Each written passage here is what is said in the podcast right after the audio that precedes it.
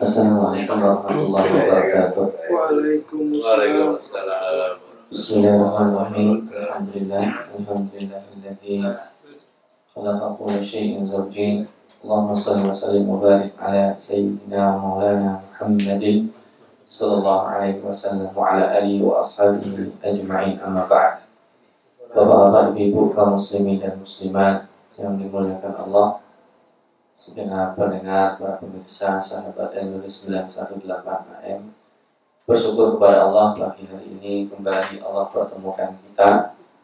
Allah kembali berikan kita kesempatan. Allah kembali buka pintu-pintu kebaikannya. Kita berharap mudah-mudahan pada hari ini Allah SWT mempertahankan kenikmatan supaya kita berada dalam kebaikannya Allah amin. Kita akan melanjutkan kalau kata datur kita. Setelah pada pertemuan sebelumnya kita membicarakan teguran-teguran Allah kepada orang-orang yang terlibat pada peperangan Uhud. Dan pada kesempatan kali ini kembali Allah Subhanahu wa taala memberikan beberapa rambu-rambu larangan kepada umat Islam. Kita bismillah akan menghadapi ayat 149 sampai 153. A'udzu billahi minasyaitonir rajim. Bismillahirrahmanirrahim. Ya ayyuhalladzina amanu in tuti'u in tuti'u alladzina kafaru yaruddukum ala a'qabikum fatanqalibu khasirin. Ini kembali Allah memulai dengan panggilan ya ayyuhalladzina amanu. Jika panggilan itu adalah ya ayyuhalladzina amanu ini menandakan Allah Subhanahu wa taala meskipun marah itu adalah panggilan yang sayang. Karena panggilan ya ayyuhalladzina amanu ini adalah diperuntukkan khusus bagi orang-orang yang beriman kepada Allah. Dan lihat kata-kata yang dipakai itu yang paling banyak ya ayyuhalladzina amanu. Ada ya ayyuhal mu'minun. Ada panggilan yang lainnya. Ya ayuhan nas. Ada juga ya ayuha uh, insan banyak. Tetapi panggilan ya ayyuhalladzina amanu ini menambiskan bahwa sebenarnya mereka beriman dan percaya kepada Allah. Kalau sudah percaya kepada Allah dibilangi apa aja? Nurut. Nah, itu filosofinya. Nah, lalu di sini tegurannya adalah in tuti'u jika kalian menuruti atau taat alladzina kafaru orang-orang yang kafir kepada kepada Allah dan Rasulnya yaruddukum ala aqabikum maka mereka akan mengembalikan kalian kepada kesyirikan. Al-aqab di sini adalah uh, bentuk plural dari masa lalu. Jadi akib itu artinya adalah yang sudah lewat. Yang sudah lewat apa? Setelah Islamnya seseorang, yaitu masa jahiliyahnya. Maka mereka akan mengembalikan kalian pada masa jahiliyah kalian, berupa kesyirikan dan sebagainya. Fatang kalibu fasir. Dan kalian akan sia-sia akan menjadi orang yang merugi. Nah, ini filosofinya adalah kenapa seseorang itu harus menuruti orang-orang yang kafir jadi menurutinya itu bukan berarti dalam artian ikut mereka kafir, ikut mereka memerangi Rasul. Jadi intuti uladina kafaru cukup bagi kita menuruti mereka dengan melakukan apa yang dilakukan oleh orang-orang kafir. Nanti Allah akan jelaskan apa kesalahan yang ditegur Allah. Balillahu maulakum wa huwa khairun nasirin. Tetapi sesungguhnya Allah Subhanahu wa taala itu maulakum. Jadi tempat bergantung, tempat meminta tolong. Dia adalah kalau bahasa kita majikan kita, tuan kita yang patut kita taati. Jadi yang patut ditaati itu cuma Allah. Wa khairun nasirin karena Allah Subhanahu wa taala itu adalah zat yang menolong. Nah, ini yang menarik di sini. Allah Subhanahu wa taala mengatakan khairun nasirin yaitu yang terbaik di antara orang-orang yang menolong. Nah, ini ini kelihatannya sederhana, Tapi kata-kata ini luar biasa. Bahwa nanti dalam hidupmu yang menolong kamu banyak. Nah, coba kita bayangkan. Pada saat kita sakit, ada yang menjenguk kita, pasti nanti yang ngasih nasihat banyak. Yang sakit apanya? Yang sakit ini. Oh, banyakin aja air minumnya. Oh, panggil aja tukang urut oh minum obat A, oh minum obat B, itu banyak yang menyarankan. Jadi ternyata kita disayangi orang dan banyak yang ingin menolong kita. Tetapi pada hakikatnya dari sekian yang menolong itu, wallahu khairun nasir. Tetap Allah yang terbaik dan yang paling cerdas karena memang sesungguhnya Allah mengetahui skenario hidup kita dan bahkan yang menentukan adalah Allah SWT. Itu yang pertama. Yang kedua, wa huwa khairun nasirin. Allah Subhanahu wa taala tidak ingin menafikan bahwa manusia itu nanti juga hidup saling tolong menolong di antara mereka. Jadi kalau bapak-bapak dan ibu-ibu sakit uh, ketika dikatakan balillahu maulakum ya nanti kalau saya sembuh sembuh aja. Jadi nggak usah pergi ke rumah sakit, tidak usah beli beli obat. Nah itu fatalis jadinya. Maka karena kata wahyu khairun nasirin, wahyu khairun nasirin itu akan menggerakkan seseorang untuk bukan meminta bantuan, menerima bantuan. Kalau meminta itu tergantung personal. Ada orang yang dia tidak mencukupkan Allah SWT kemudian dia bersikap itu pilihan. Tapi khairun nasirin menandakan bahwa nanti banyak orang dalam hidup kita yang ingin membantu kita. Tapi dari sekian bantuan dan pertolongan yang terbaik tetap Allah Subhanahu wa taala. Itu filosofi yang yang kita dapati dari kata-kata wa khairun nasir. Sanulqi fi qulubil ladina kafaru ru'ba bima asyraku billahi ma lam yunazzil bihi sultana wa ma'wahumun nar wa bi'sa mathwal zalimin. Nah, ini baru masuk pada permulaan bahwa Allah Subhanahu wa taala akan menurunkan di hati orang-orang yang kafir itu arwah ketakutan. Kenapa sebabnya? Bima asyraku karena mereka syirik. Ma lam yunzil bihi sultana yang Allah Subhanahu wa taala sama sekali tidak pernah menurunkan cerita kata-kata atau apa saja yang berkaitan dengan itu. Tidak ada. Syirik itu dibenarkan oleh Allah Subhanahu wa taala. Tidak ada ceritanya. Maka yang menarik di sini adalah Allah turunkan ar Dalam bahasa hadis itu di antara keistimewaan Rasulullah Sallallahu Alaihi Wasallam itu beliau nusir tu birrabi masirata syahri.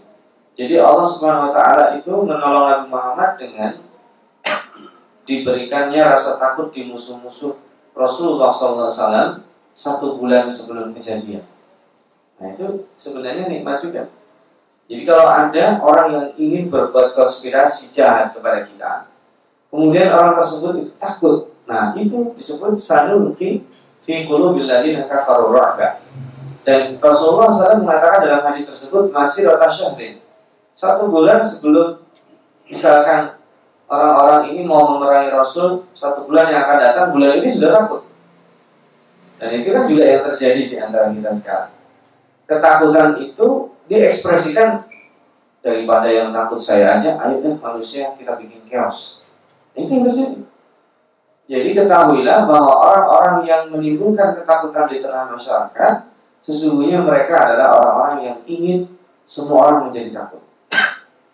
Mereka tidak ingin takut sendirian. Filosofinya kayak filosofi iblis. Dia sudah difonis masuk neraka, tidak mau masuk neraka sendirian, akhirnya mencari teman. Maka orang-orang yang ketakutan itu kemudian ekspresikan dengan berbagai macam cara. Lihat apa yang dilakukan Fir'aun, ngebunuhin anak-anak kecil.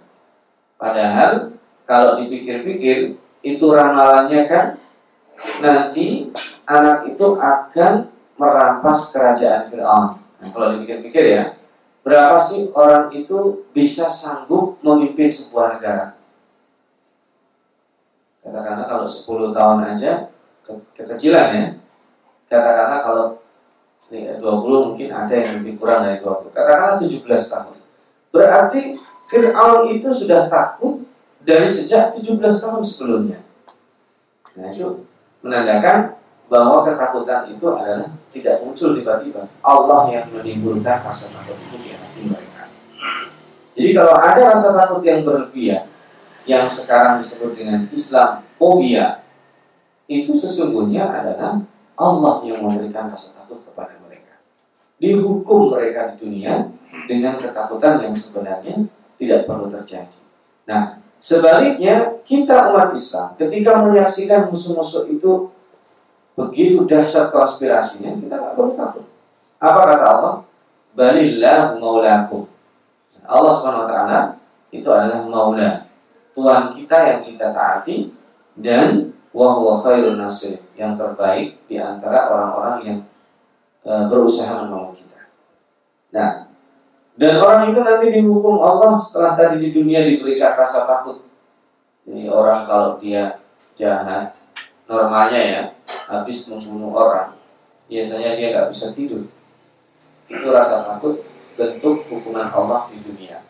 Seorang habis melakukan kejahatan itu gelisah Makanya dosa itu adalah yang membuat hati kita tidak tenang. Jadi sebenarnya kalau hati kita sehat, gampang aja. Kita melakukan sesuatu gelisah nggak hati kita.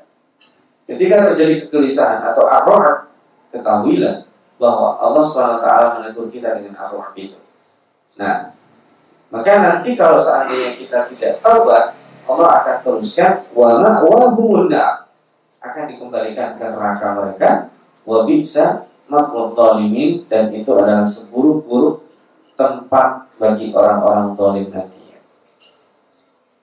Walaqad sadaqakumullahu wa'da.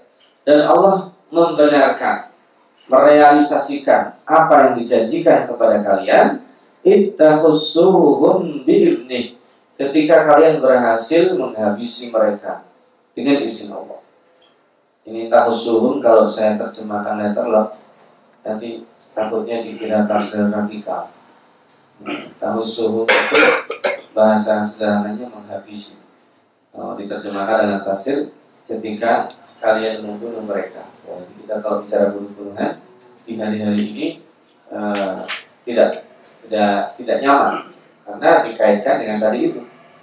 Ada orang-orang yang yang takut yang mereka sebenarnya tidak ingin takut sendirian, takut kehilangan kekuasaan, takut kehilangan pengaruh, takut kehilangan sumber rizkinya, takut kehilangan dan sebagainya, akibatnya menimbulkan chaos supaya terjadi ketidakberaturan dan kekacauan. Nah, buktinya bahwa Allah itu janjinya benar, ternyata kalian sanggup mengalahkan mereka.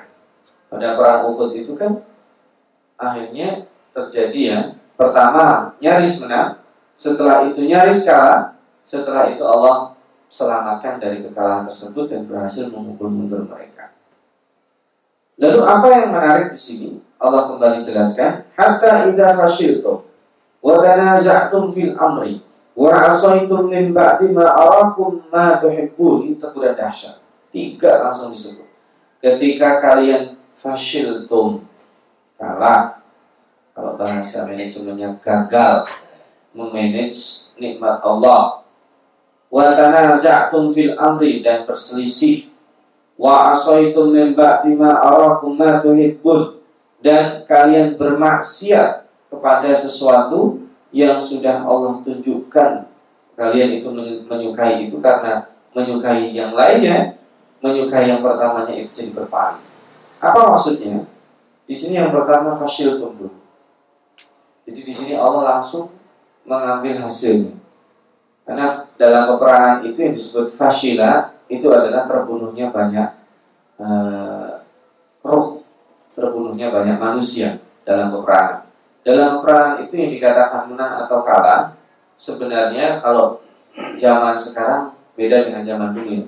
Zaman sekarang dikatakan menang atau kalah kalau sudah pusat pemerintahan diduduki itu menang atau kalah. Ada kalanya menduduki pusat pemerintahan tanpa korban jiwa tapi di sini memulai bahwa ida fasiltum ini yang menarik adalah fasiltum pada orang yang melakukan.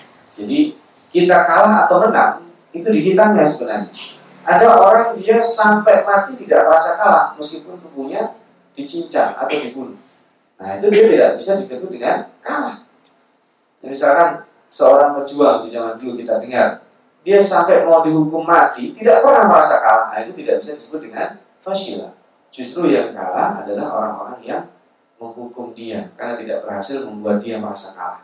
Jadi ini fasil itu itu ketika umat Islam ikut-ikutan takut ketika mereka merasa bahwa mereka kalah. Nah, itu ini dimensi psikisnya berbeda. Ida fasilitum itu umat Islam kemudian lari tunggang langkah, formasinya hancur-hancuran. Itu kekalahan. Kalau seandainya mereka bisa manage dan tetap seperti semula, meskipun banyak korban jiwa, tapi tidak merasa kalah, Allah tidak akan mungkin menyebutkan ini. Lalu Allah SWT nanti akan sebut sebabnya. Ini kan akibat tiga teguran Allah. Yang pertama fasilah, gagal memanage nikmat Allah. Wa tanaza'tum fil amri berselisih. Berselisih karena terutama yang ada di Jabal Rumah di e, pegunungan tempat mereka memanah itu berselisih. Wah kita turun, kita ikut ikut membagi harta rampasan perang. Sebagian mereka mengatakan, oh jangan, kita diperintah untuk tetap stay di sini, untuk melindungi di sini. Tetapi ternyata suara mayoritasnya adalah 50 orang itu sebagian besar mereka menginginkan turun. Jadi yang tersisa mungkin tidak sampai 10 orang di atas. Ya, 10 orang yang di atas itu nanti eh, dihabisi oleh pasukan Khalid bin Walid. Nah, Allah Subhanahu wa taala setelah tiga hal ini ditegur, langsung secara eksplisit disebut di sini ya. Minkum di antara kalian man yuridud dunya. Ada orang-orang yang menginginkan dunia. Wa minkum man yuridul akhirah. Di antara kalian ada orang-orang yang menginginkan akhirat. Thumma sarafakum anhum liyabtaliyakum wa laqad afa ankum wallahu fadlin 'alal mu'minin. Jadi sebagian di antara kalian ada yang menyukai dunia, sebagian lagi ada yang menyukai akhirat dan kemudian Allah palingkan itu dan Allah nantinya juga akan memaafkan kalian. Nah ini kata maaf itu sebenarnya kunci di sini. Allah Subhanahu itu tidak berpengaruh dengan dosa yang kita lakukan kalau kita bertaubat. Jadi kesalahan yang dilakukan para anbiya yang maksum itu ada terjadi tapi tidak berkaitan dengan dosa besar dan tidak berkaitan dengan syariatnya. Ya Nabi Adam punya salah tapi salahnya tidak dianggap begitu Nabi Adam taubat. Kemudian Nabi Yunus punya kesalahan, tapi kesalahannya tidak dianggap begitu beliau taubat. Demikian juga para sahabat yang melakukan kesalahan dalam hidupnya yang disebut tadi akal masa jahiliyah itu hilang begitu mereka terintegrasi dengan uh, hidayat dari Allah Subhanahu wa taala. Nah, walaqad afa'akum Wallahu dzu fadlin 'alal mu'minin. Fadl itu bukan pemberian saja. Begini. Kalau saya memberi seseorang atau kita memberi seseorang zakat misalnya, itu belum bisa disebut dengan fadl. Karena itu adalah kewajiban minimalis. Kalau misalkan anak biasanya tiap hari uang sakunya kita sebut aja Katakanlah anak kita uang sakunya masih kecil kita kasih uang lima ribu. Lima ribu itu belum bisa dijadikan fadl karena kebiasaan kita memberi seperti itu. Fadl itu kalau kita lebihkan. Fadl itu kalau kita setelah membayar zakat juga menyediakan sedekah. Setelah itu ada yang disebut dengan qardun hasan. Nah, Allah Subhanahu wa taala meskipun kita berbuat salah, yang diberi itu bukan hanya rizki jaminannya, tapi kalau kita bertaubat, fadl akan Allah kembali berikan kepada kita. Nah, ini yang menarik. Makanya kenapa disebut istighfar itu merupakan salah satu kunci rizki. Kalau ingin seseorang dilapangkan rizkinya, maka perbanyaknya istighfar. Maka dalam surat Nuh itu ya, yursilis sama alaikum midrara. Allah akan buka pintu-pintu langit dengan istighfar. Jadi sebenarnya istighfar itu uh, adalah kunci rezeki. Bapak-bapak dan ibu-ibu sekalian, jika kita menginginkan ketika berada dalam kesulitan, kesulitan materi misalnya, maka banyak aja istighfar. Minta ampun aja, akui kesalahan kita kepada Allah Subhanahu wa taala, maka di sini akan wallahu dzufadlin 'alal mu'minin, kita akan merasakan. Dan itu betul bahwa seseorang ketika dia minta maaf kepada Allah Subhanahu wa taala atas segala khilafnya, baik yang disengaja atau tidak dan itu kalau diperbanyak astagfirullahaladzim maka sesungguhnya kita sedang memperbanyak menduplikasi kunci-kunci pintu rizki dari Allah taala. Ada banyak ya, tetapi hubungan dengan ayat yang ini kita baca itu. Nah, nikmat yang kedua yang tidak kalah pentingnya, kita diselamatkan Allah dari terjerembab pada ayat yang pertama tadi kita baca. Intuti'u alladzina kafaru yarudukum ala aqabikum. Kita diselamatkan Allah. Tempoh hari kita pernah tadaburi ya. Wow, beruntung sekali orang yang hidup di zaman Rasulullah bisa berjumpa dengan beliau, bisa hidup berdampingan dengan beliau. Kalau itu kita bisa menjawab, oh sebentar dulu, ternyata tidak semua orang yang hidup dan berjumpa dengan beliau beriman. Maka kita yang patut kita syukuri bukan berada secara fisik di dekat beliau, tetapi kita beriman kepada Rasulullah SAW itu adalah nikmat yang harus kita jaga. Nah, yang terakhir adalah itu wala taluna ala ahadin wa rasul yad'ukum fi ukhrakum fa azabakum ghamman bi ghamman bi ghammin likay la tahzanu ala ma fatakum wala ma asabakum wallahu khabirun bima ta'malun. Jadi dalam proses perang Uhud itu tidak perlu ada yang disalahkan. Jadi dalam proses kejadian yang Allah coba pada perang Uhud itu nantinya Rasulullah Shallallahu Alaihi Wasallam memberikan ganti. Jadi sebenarnya Rasulullah SAW itu menjadi orang yang dirugikan karena menjadi target ya. Kemarin kita sudah membicarakan pada perang Uhud, Rasulullah SAW diisukan mati ya. Kalau seorang pemimpin perang kemudian dikabarkan panglima mati, maka runtuhlah pasukan itu. Nah Rasulullah SAW ini dengan kata-kata ya jauhkum. Nah, jadi berdoa kepada Allah Subhanahu Wa Taala untuk kalian memanggil kalian, berdoa untuk kalian, fa'athabakum ghamman bi ghammin likai la tahzanu ala ma fatakum. Jadi keberadaan keberadaan seorang pemimpin yang mengayomi di sini sangat sangat diperlukan dan sebenarnya ayat ini ayat 153 itu nanti berkaitan dengan ayat 154 dan seterusnya. Ya, yang ini dikembalikan pada perang Badar. Jadi surat Ali Imran ini itu kadang pada peperangan Uhud nanti Allah Subhanahu wa taala kembalikan pada kisah di perang Badar. Jadi ini ada perbandingan yang yang Allah inginkan kita mengajak pada saat seseorang kesulitan dan pada saat seseorang berada dalam masalah apa. Ada kalanya kita dikembalikan misalnya begini hari ini dagangan kita sedang sepi itu nanti Allah Subhanahu wa taala akan mengupas kenapa dagangan kita sepi tetapi nanti sesekali Allah akan bandingkan. Coba kamu lihat ketika dagangan kamu ramai hari ini kita mendapat musibah. Allah taala sesekali pasti akan bicarakan musibah yang menimpa kita dan sikap kita tapi sesekali Allah akan bandingkan ketika kita mendapatkan musibah, ujian dalam arti kebaikan atau kelaparan. Nah itu supaya apa? Supaya kita juga likaila tahzanu ala mafatakum. Supaya kita juga tidak tersedih. Karena nanti kembali kepada sunnatul mudawala, kita itu diputar nasibnya oleh Allah Subhanahu wa taala.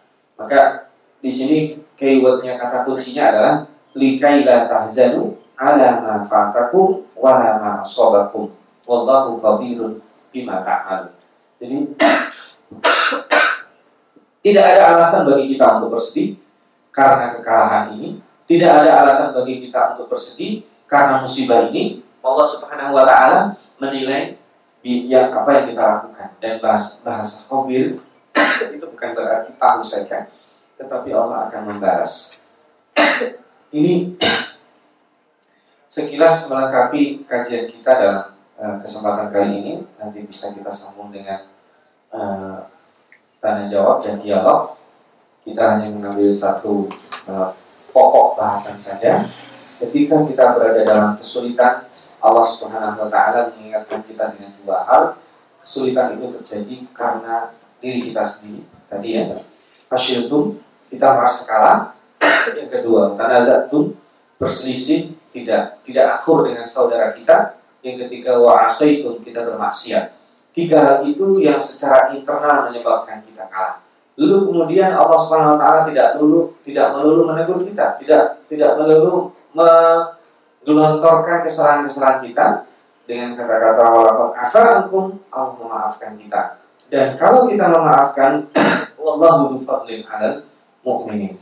Dan ketika kita dalam musibah ada banyak orang yang menolong kita tapi tetap balillahu maulakum wa huwa Allah adalah yang terbaik di antara orang-orang yang mencoba menolong kita.